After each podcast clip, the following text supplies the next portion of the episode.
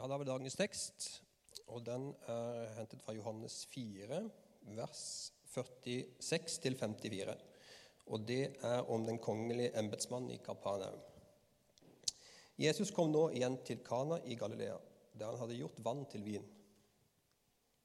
I Kapernaum bodde en kongelig embetsmann. Han hadde en sønn som var syk. Da han fikk høre at Jesus var kommet fra Judea til Galilea, gikk han til ham og ba ham komme ned og helbrede sønnen, for gutten var døden nær. Jesus sa til ham, uten at dere ser tegn og under, tror dere ikke? Kom, Herre, før gutten min dør, sa mannen. Gå hjem, sønnen din lever, sa Jesus til ham. Mannen eh, trodde det ordet Jesus sa til ham, og gikk av sted. Da han ennå var på hjemveien, kom tjenerne og møtte ham, og de fortalte at gutten hans levde. Han spurte dem når det var blitt bedre med ham. De svarte, i går, ved den sjuende time, forsvant feberen. Faren skjønte at det var skjedd akkurat da Jesus sa det til ham, sønnen din lever. Og han og hele hans hus kom til tro. Dette var Jesu andre tegn, som han gjorde da han kom fra Judea til Galilea.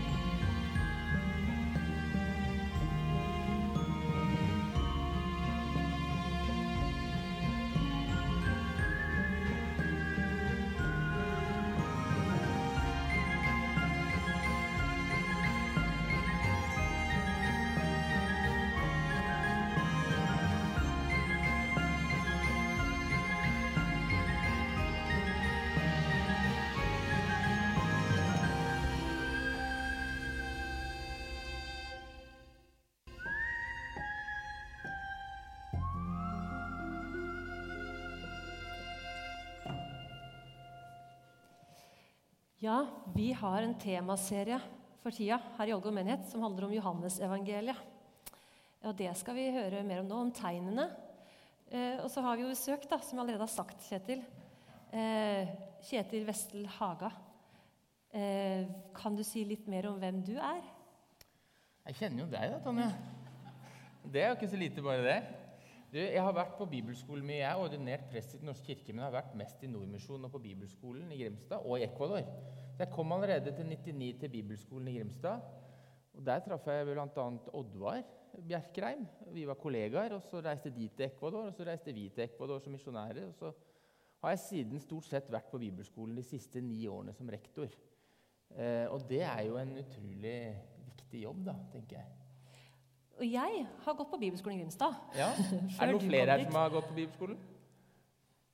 Noen her. Ganske mange, faktisk. Altså, så det er noen som har noen slektninger som har gått på bibelskolen i Grimstad her òg. Eh, jeg måtte telle etter. Det syns jeg høres litt utrolig ut, og dere kan kanskje ikke tro det, men det er 25 år siden jeg gikk på bibelskolen i Grimstad. Trodde det var Eh, i går. Jeg. Trodde det var i går. Men hva skjer på bibelskolen nå? Det har kanskje forandra seg litt på 25 år. Ja, det er mye, men kanskje det siste er liksom to ting som er mest oppi hodet mitt akkurat nå. Altså, vi har 120 studenter, for det første, og det syns jeg er fantastisk i, i 2020 som er blitt nå, at det er så mange som prioriterer å gå på bibelskole. Det er det ene. Og det er litt mer internasjonalt. Det er mye i Norge, men det er ca. 30 av studentene er også i ulike land. Alt fra Afrika, Asia og Latin-Amerika. På team på ulike måter. Så det er en, en ganske sånn, som setter preg på skolen på en ganske stor uh, måte. Det andre er at eh, liksom, vi har både fått en ny hall med plass til 1700 og en ny menighet, Nordkirken Grimstad, på området, som gir nye muligheter. Så akkurat det der, hvordan skal vi da liksom, med alle våre studenter og en, en menighet i vekst, det er veldig, veldig spennende. Eller så er det, er det en annen ting som har blitt sånn rett i fanget mitt nå. det er Sommer i sør er sommerstevnet som vi har. Og det er det Nordmisjon som har hatt i mange år. Det begynte allerede i 1983. Men nå har vi fått det tilbake igjen, og da må vi mobilisere mye folk liksom, til ferie, fellesskap og forkynnelse. Så det må dere tenke litt på. Hvis dere liksom, tar meldingsbladet etterpå og leser litt om det, så bruk den fantastiske campusen i Grimstad. Dere som kommer fra Rogaland. alle, Halvparten av de som er på bibelskolen, er fra Rogaland, så dere må bare komme og innta det om sommeren. Så skal vi love en fantastisk fin festival til sommeren. Flott. Og de ligger jo ute på infobordet, de brosjyrene der. Ja. Ehm, men hva tenker du, hvorfor er det viktig for unge mennesker å gå på bibelskole i dag? Jeg tror at det er viktigere enn noen gang. fordi vi ser at på mange av de studentene som kommer nå, at de kan mindre og mindre. fordi skolen har ikke det oppdraget lenger. Og, og Et mer og mer sekulært samfunn sånn som det er blitt, er det jeg sier jeg er utrolig takknemlig for at så mange velger å gå på bibelskole. Når du ser på videoen, så ser du at det er veldig mange gøye aktiviteter. Og alt det der? Og det er ofte ungdom som ønsker det. Men vi vil jo mye mer. Vi ønsker å gi dem en tro som bærer rett og slett i gode og onde dager. Sånn, dykke skikkelig ned i Bibelen, jobbe med seg selv. Gi dem et gudsbilde som gjør at det måte, som holder når livet stormer. Og bli kjent med Bibelen, så du liksom legger fundamentet for resten av livet. Det ser vi veldig mange sier at dette har vært viktig. Så Sånn sett så tenker jeg Bibelen skulle være viktigere enn noen gang. Hvis du er bestefar eller du er i foreldregenerasjonen nå, som kanskje har unger som nærmer seg, det å få de til å gå på bibelskole et år, det, er, det, kan gjøre en veldig stor forskjell. Mm. Det er jeg helt enig i. Når det gjelder Kjetil, så er det nesten som å trykke på en knapp, og så kommer det masse ord. Han har masse på hjertet. Og jeg er veldig glad for at du har sagt ja til å preke i dag over eh, et av tegnene i Johannesevangeliet. Så nå skal du få gjøre det. Takk. Vær så god. Takk skal du ha. Jeg følte liksom den der flotte videoen var så veldig proff, så jeg følte nå kommer det en slags eh, engelsk krim eller et eller annet sånt. Det, det får dere ikke nå, altså. Det føltes nesten som det var sånn introen på det. Eh, men jeg skal forsøke å legge ut teksten. Eh, for det er også sånn som jeg er blitt ganske opptatt av eh, de siste årene. at eh, vi, vi, må få ut Bibelen. Hva er det egentlig som står i denne teksten? her? Hva kan vi lære? Altså, på teologistudiet så lærer man eksegese. Det betyr egentlig å ta noe ut av teksten. Det er veldig viktig at ikke vi bare finner på alle andre gode tanker som vi har, og så kommer Bibelen som et vedheng. Men her handler det om egentlig ta ut det som er i teksten. Og, og, en viktig greie hvis man skal forstå teksten, så må man også forstå litt hvilken sammenheng det er i. Og Dere er jo en forbilledlig greie her. sånn at Dere har de syv tegnene i Johannes-evangeliet. Forrige gang så hadde dere det første tegnet som Jesus gjorde, i Kana. Da var det det store tegnet ikke sant, at at Jesus, det tegnet som han gjorde der, han kommer med noe nytt. Han, han peker, han gjør vann til vin i renselseskarene, som betyr at nå kommer det noe nytt. Nå er det ikke de gamle renselseskarene. Nå kommer Jesus og renser syndene. og det går gjennom hans blod ikke sant? og vinen som vi akkurat har mottatt. Det, det peker utover akkurat det som skjedde. Og så er det det lille tegnet også at Jesus faktisk brydde seg om den situasjonen. Som vi kanskje tenker at var det så nøye, det der, da, men man trengte noe mer vin. Ja, Det var veldig viktig. En ukes bryllup, kanskje. Og så er det plutselig tomt for drikke. Jesus møter oss akkurat der vi er, og bryr oss om oss. Og Så kommer vi til det andre tegnet, som ikke handler om bryllup. Den teksten som vi har lest om nå, er jo sorg, død. Altså, og hvordan Jesus kommer inn i en sånn situasjon. Det er det andre tegnet som, som Jesus gjør. Og Settingen er også her at Jesus ja, han var i Kana, så har han vært i Jerusalem eh, i Judea-området, og der har han gjort ganske store tegn. Det ryktes. Nå er han på vei tilbake igjen, og på veien tilbake igjen så har han vært gjennom Samaria. Møtt denne her kvinnen ved brønnen. Kanskje dere husker den fortellingen? Den er ganske sånn spesiell. Hvor får egentlig plutselig hele livet sitt snudd om når hun møter Jesus? Plutselig så er det en som forteller om hele livet hans. Og så fører det til at hun går inn i byen og forteller om denne mannen som har fortalt henne alt. Og så kommer de til tro. Og det er litt sånn spesielt der, for Jesus gjorde ingen tegn eller under der. Og likevel så skjedde det noe helt spesielt i denne byen Sykar. For de tok imot ham, og de trodde på ham. De forsto at han talte profetisk. Og Johannes sier mange flere kom til tro da de fikk høre hans eget ord. Og de sa til kvinnen, 'Nå tror vi ikke lenger på grunn av det du sa.' 'Vi har selv hørt han, og vi vet at han er, virkelig er verdens frelser. Så Det betyr at eh, Jesus har egentlig hatt en slags suksess. Han, det er dette som er oppdraget hans når han kommer til verden. At de skal få se hvem er Jesus. Og det skjer hos de han måte, egentlig ikke var sendt til, de som ikke var jøder. Der tar de imot ham. Men nå kommer han tilbake igjen til Kana, dette stedet hvor han hadde gjort dette første tegnet.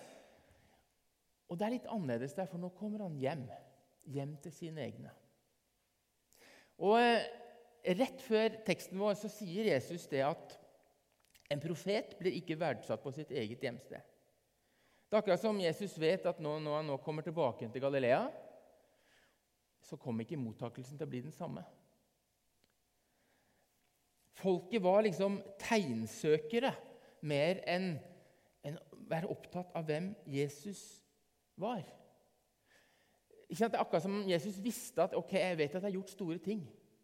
Nå kommer jeg hjem til mine egne, men nå er det sånn, ja da, de tar vel imot meg her også, men de er her egentlig bare for å se kan du utføre noen sånne spektakulære ting her òg. Vil jeg egentlig møte den troen som ser hvem jeg er? Og så er det akkurat som Jesus vet at det kommer han ikke til å møte på sitt hjemsted. Og så sier han en profet blir ikke verdsett der. Og Da kan vi si litt mer om disse tegnene i Johannesevangeliet. For at gjennom hele, ikke bare Johannes, men Jesus som stadig på en måte liksom den oppgittheten over folket som bare liksom er sånne tegnsøkere. De er liksom hele tida der. Det begynner allerede når Jesus skal begynne sin gjerning. Så er det jo djevelen som prøver å friste ham. Så sier han, ja, kast deg utafor denne tempelbygningen, ikke sant? så du kan ta, gjøre et spektakulært under, eller gjøre disse steinene om til brød. Jesus lar det være. Eller fariseerne. Plutselig så det er stadig vekk så spør de han, kan du sende noen tegn fra himmelen. Nei, han vil ikke gi det. Kong Herodes, når han står foran kong Herodes, ja, hvilke tegn kan du gjøre? Nei, han vil ikke det. Til og med når han henger på korset, så står de og håner ham. Ja, 'Kom igjen, nå må du vise oss noe spektakulært, at du kan gå ned fra dette korset.' Nei, han gjør ikke det. Jesus gjør ingenting for å imøtekomme disse kravene om liksom, det spektakulære, disse underne som folk var ute etter. Han gjorde ikke noe for å tilfredsstille tilskuere som ville bli underholdt. Han gjorde ingenting for å på en måte skulle få disse tegnene til å vekke oppsikt. Tvert imot er det ofte han sier 'ikke si det til noen'.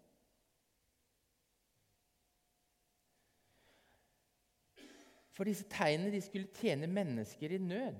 Og det er det Jesus, disse tingene han gjør, de kaller han tegn. For Johannes forteller ikke om alt det Jesus gjorde. Han sier faktisk I Johannes 21 så sier Johannes mye annet gjorde også Jesus. Skulle det skrives ned, hver enkelt ting, tror jeg ikke hele verden ville romme alle de bøker som da måtte skrives. Johannes forteller ikke engang mye om dem. Hvis du går til eh, Matteus og Lukas, så har de 20 forskjellige sånne under- og tegnfortellinger. Markus har 18. Mange. Men Johannes har bare sju. Akkurat som han har valgt ut noen få. Men det er også fordi Johannes har valgt ut disse tegnene fordi de skal vise noe mer enn bare det underet som skjer der og da. De peker videre. Det er liksom noe med at det, Den lille siden ved tegnet er at Jesus møter oss i vår nød. Han ser det enkelte mennesket der de er. Det er ikke bare på et overordna nivå. Han møter det enkelte mennesket, liksom det lille tegnet, enten det nå er noen som sliter med døden og sykdom, eller et hverdagsproblem i et bryllup, eller at de er sultne, så gjør han brødundre. Alle disse tegnene gjør han. Men de store sida av det av de samme tegnene, det er at de viser oss hvem Jesus er. At vi på en måte skal se at han har disse Han åpner noen nye perspektiver, så vi får se hvem han er. Akkurat som de tegnene som skjer, skal føre til en refleksjon, så vi tenker hm, Hvem er denne mannen? Er det noe mer enn bare at han kan utføre noen tryllekunstner? Noen tegn og under? Og Det er liksom selve greia til Johannes. Hvordan skal, altså At Jesus skal vise oss hvem han er. At han kommer med nåde og sannhet. Tegnene peker på Jesus og hans person og viser oss hvem han er. Men så er det egentlig det er noe av den frustrasjonen som Jesus ofte opplever. La meg igjen en illustrasjon. Tenk deg nå hvis du skulle være en slags byplanlegger. Eh, og så tenker du at Denne flotte byen som jeg har ansvar for, har jo veldig mange fine gater. Men det er litt sånn labyrintisk, og det vi i hvert fall trenger, at vi trenger å designe noen skilt som kan henges opp, sånn at når folk beveger seg inn i denne byen, så finner de veien. Trafikken kan flyte bra, sånn at de kommer gjennom og dit de skal. Så får du ordna dette, du henger det opp rundt omkring i byen. Men så oppdager du at disse skilta som har hengt opp, de, de, får plutselig en helt annen funksjon enn det du hadde tenkt. Fordi det som skjer er at Folk kommer bort, og så stopper de bilen, og så går de ut av bilen, og så ser de utrolig fine disse her skiltene her. Så begynner de å ta bilde av dem og liksom er veldig opptatt av det der tegnet som henger på veggen. Og så blir du ganske frustrert, fordi at istedenfor at det, trafikken flyter og folk kommer dit de skal, så stopper de bare opp, og så blir det egentlig bare mer kaos, og ingen skjønner noe som helst. Det er nesten så skilta mister sin funksjon. Folk ble mer opptatt av skiltene istedenfor å se hvilken vei de pekte. Og Det er noe av dette overførte som Jesus, liksom den frustrasjonen. ikke sant? Nei, han gidder ikke gjøre disse tegnene for å bare vise dem at disse skiltene er så fine. Nei, de må få tak i Men dette peker jo videre. Ja, det er viktig nok, det som skjer der og da. Det er liksom det lille tegnet. Men hallo, folkens, dere får ikke med dere Se nå hvem jeg er. Se hva Gud gjør nå. Se hva det peker på.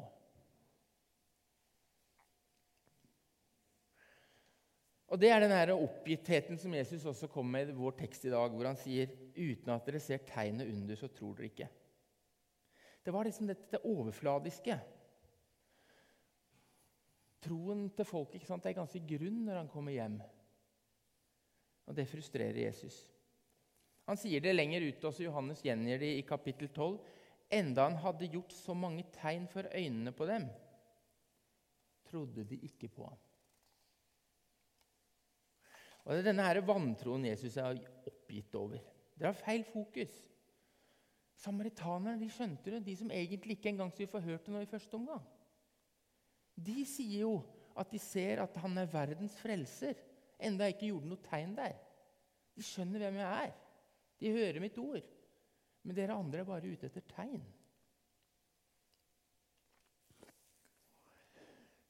Det er klart, jeg, Folk er folk til alle tider.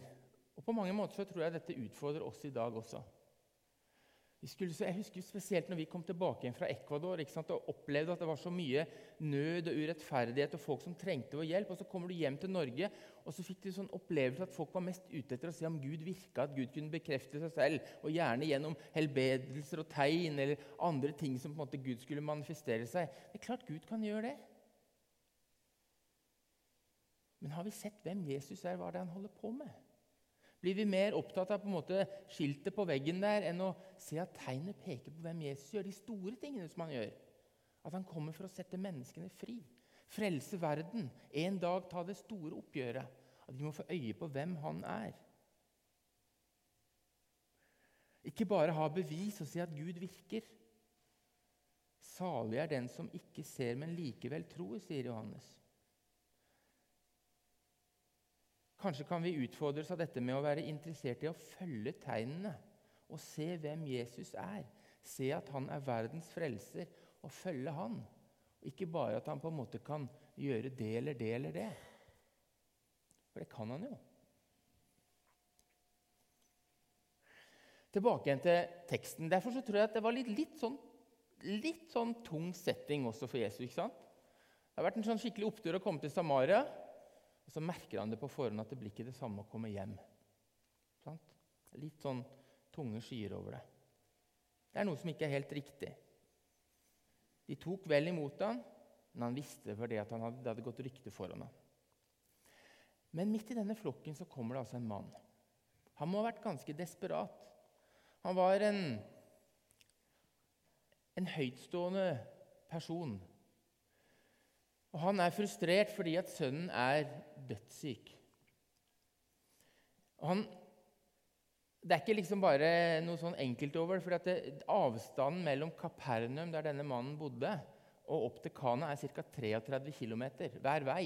Det er ganske langt. det. Sånn Seks-åtte timers gange. Så han måtte ha vært ganske frustrert for å legge inn den innsatsen. Desperat. Min sønn er dødssyk. Og Det kan virke som om Jesus først tror at han også er som de andre. Sant? For Når han, han, ber Jesus om å komme, så, så, så, avviser Jesus han egentlig, og så sier han uten at dere ser tegn under, tror dere ikke. ikke sant? Du er som en av de andre. Men mannen gir seg ikke. Han bare fortsetter. Kom, Herre, for, før gutten min dør. Og Da er det akkurat som Jesus ser at oi, denne mannen er det noe annerledes med. Denne mannen er ikke bare en som på en måte skal se om jeg kan gjøre noe spektakulært her òg. Denne mannen kommer med sin nød. Og han kommer på en måte i sin tillit og sier, 'Jesus, hjelp meg. Jeg har, jeg har ingen andre utveier.' Og da skjer altså dette underet. Da ser Jesus denne mannen på en annen måte. Han viser tillit til Jesus for den han er. Det er akkurat som han har fått i alle fall begynner å få et grep av denne her Jesus hvor ryktet har gått foran ham. Og Det er jo egentlig ikke noe sånn spektakulært tegn dette her i forhold til mange andre ting som Jesus gjør. Han gjør en, en gutt syk. Men han sier likevel dette her Gå hjem, sønnen din lever. Og det er akkurat som mannens tro da blir sterkere, for da begynner han å gå hjem. Han har ikke sett det ennå. Men han begynner å gå hjem, og så kommer tjenerne han i møte, og så sier de 'Sønnen din er blitt frisk'. Og så skjønner han at det er i det øyeblikket som Jesus sa ordet. Og Det er også en sånn ting å merke seg i den teksten. Dette er et sånn under som skjer på avstand. Et tegn som skjer på avstand. Det er ikke sånn at Jesus må være fysisk til stede for å kunne gjøre ting. Hans ord er like mektig. Så, så alle oss som ikke har mulighet til å kunne gå fysisk sammen med Jesus, så kan vi vite at hans ord er sterkt nok til å kunne helbrede eller utrette det han vil, også på avstand. Som jeg sa, salig er den som ikke ser, men likevel tror. Og Det fører jo til ganske mye, dette her, for, for det virker nesten som mannen kommer liksom i desperasjon. Han kommer til Jesus, og Kanskje er det bare fordi han har hørt om de samme tingene. Men han nærmer seg ydmyk igjen. Det er liksom ikke noe sånn her, ja, Nei, du kan visst ikke likevel. Men han, han, kommer med hele seg. Og når han da våger å gå på det ordet, så, så skjer det jo. Og så I tillegg, når dette skjer, så kommer hele huset hans til tro. Og da er vi midt i det. Det er derfor Johannes tar med dette, her, fordi det peker mot Jesus. For hele Johannes-evangeliet vil egentlig peke mot hvem Jesus er, så vi kan tro på han. Hva kan vi ta med oss av dette? Nummer én Jesus kan helbrede. Tegnet viser jo at han er i stand til å gjøre mennesker friske gjennom en bønn, og til og med uten at han er til stede. Men hvorfor gjelder ikke dette alle, da? Hvor mange av oss er det ikke som har bedt for mennesker. Enten det er våre egne barn eller eh, det er mennesker som vi kjenner som har det er sykdom, det er andre ting, men som ikke ble friske, som, og som døde. Eller de håpene vi har hatt om at vi har bedt mye, og så har vi kanskje fått noe på nå går det bedre, og så kommer det tilbake igjen, og så dør de likevel. Eller man må leve med en kronisk lidelse. Hvorfor gjør Jesus dette bare med noen? Og ikke med alle.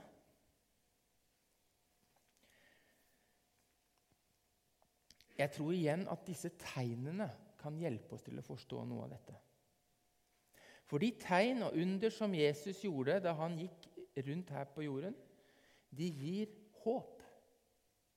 Fordi de også er på en måte klare tegn på at det har brytt inn noe nytt i vår verden.